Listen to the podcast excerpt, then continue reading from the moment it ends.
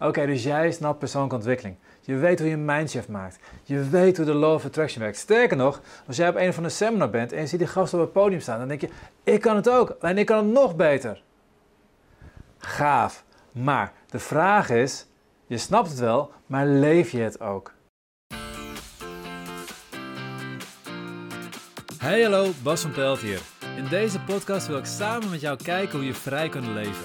Los van stress en oude patronen. Hoe je de mooiste versie van jezelf wordt en jouw ideale leven creëert.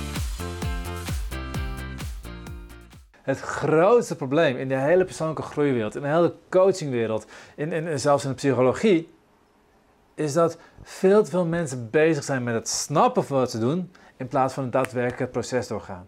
En het geldt zowel voor de cliënten, voor de deelnemers, als voor de coaches en voor de trainers. En ik snap het. Ik dacht dat toen ik begon met persoonlijke groei zelf ook. Ik dacht, ik snap, wat, ik snap wat hij zegt. Ik weet precies wat hij gaat zeggen. Sterker nog, kan het beter uitleggen.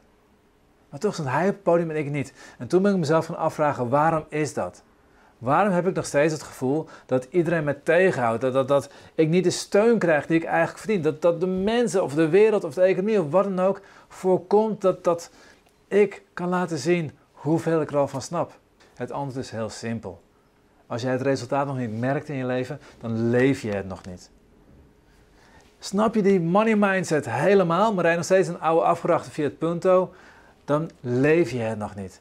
Weet je precies hoe relaties werken, hoe je de law of attraction toepast op de juiste partner aantrekken, maar loop je nog steeds tegen de verkeerde mensen aan, dan leef je het nog niet. Weet je precies hoe je gezond moet worden, hoe je het maximale uit je lichaam kan halen, uit het fysieke kan halen, maar loop je nog steeds rond met een dikke bierbuik, geen energie, dan leef je het nog niet. En waarom doe je dit? Omdat het snappen fijn voelt. Als jij het snapt, geef je het gevoel van controle. En als jij controle hebt, dan hoef je niet te voelen wat er allemaal onder zit. Elke controlebehoefte is een trucje om niet te voelen wat er onder zit. Welke oude patronen getriggerd wordt, welke oude emoties, oude ervaringen getriggerd worden, welke oude micro- en grote trauma's erachter zitten die allemaal gevoeld mogen worden, maar die je nu lekker aan het onderdrukken bent. Bij het feit dat je nog niet succesvol bent, zit ook de pijn van niet gezien worden. Maar die wil je niet voelen, dus snap je het gewoon. In mijn geval, het feit dat ik nog niet op het podium stond, dat mensen mij voor mijn gevoel tegenwerkten, was fijner om te voelen dat mensen mij tegenwerkten, terwijl ik het wel snapte, dan te voelen dat ik al jarenlang de pijn had van ooit gepest te zijn, van niet gezien te worden. Snappen is fijn, maar je moet het werk doen. Je moet het diepte in. Je moet ontdekken welke patronen er zitten, ontdekken welke eerdere ervaringen die patronen gecreëerd hebben, welke emoties daarbij zitten, welke trauma's daarbij zitten. Doe het werk en je gaat veranderen. Het gave dan is dat ineens er geen weerstand meer lijkt te zijn. Ineens alles vanzelf lijkt te gaan. En het gave is, op het moment dat jij echt leeft, wat je nu alleen nog maar denkt te snappen, dan gaan andere mensen aan jouw resultaten zien dat jij het leeft.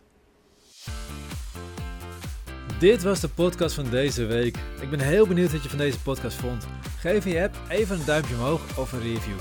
In Spotify kun je dit doen door naar de podcast zelf te gaan en daarop het aantal sterren te klikken onder de beschrijving van de podcast.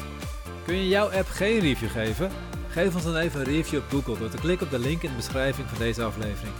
Je helpt ons op deze manier enorm om meer mensen te bereiken, zodat ook zij vrij kunnen leven.